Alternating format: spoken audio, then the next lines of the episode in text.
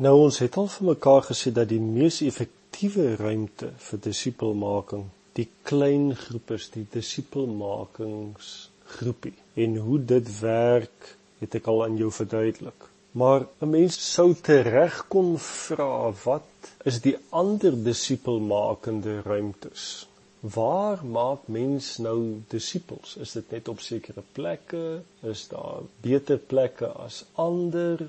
Val nou in jou persoonlike en daaglikse fokus op disipelmaking as 'n leefstyl, soos wat jy beweeg in die lewe rond. En die eenvoudige antwoord is hier: Jesus het oral waar hy gegaan het en beweeg het, disippels gemaak. Oral waar hy gegaan en beweeg het. Hy het disippels gemaak langs die strand, langs die see van Galilea. Hy het disippels gemaak by die berg, by die sinagoge, in dorpies, in die handelsgebied van Kapernaum in Petrus se huis op 'n boot by 'n belastingkantoor in die markplek op 'n plaas tussen die wingerd en die koring by die poorte van die stad ag so kan ek aangaan oral waar jy gaan en interaksie met mense het is 'n potensiële ruimte vir disipelmaking. Enige plek waar verhoudinge gebou kan word en mense 'n invloed op mekaar se lewens het, is 'n potensiale disipelmakende ruimte.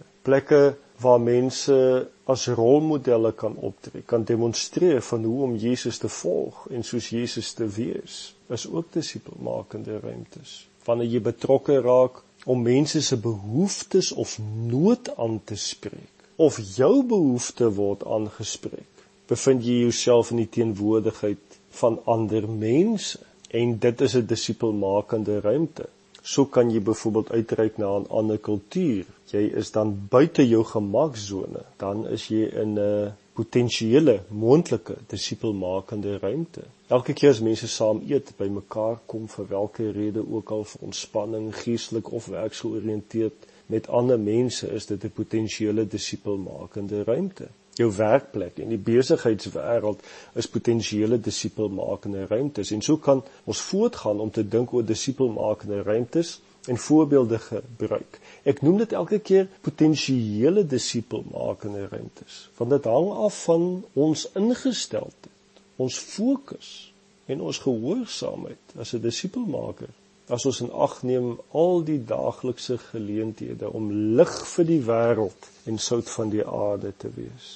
Tog baie belangrik is om nie net verhoudinge met my tipe mense of diegene van my gemaksone te bou nie. Jesus het juis die voorbeeld gestel om uit te reik na al wat onderdruk word, gemarginaliseer is, verwerp is, verlore is die weggooi mense, die onbeduidende mense, die onbelangrike mense. Bou ook verhouding met hulle. Jesus het met hulle interaksie gehad en so herstel wat sonde gebreek het in hulle lewens en ons moet hom hierin volg.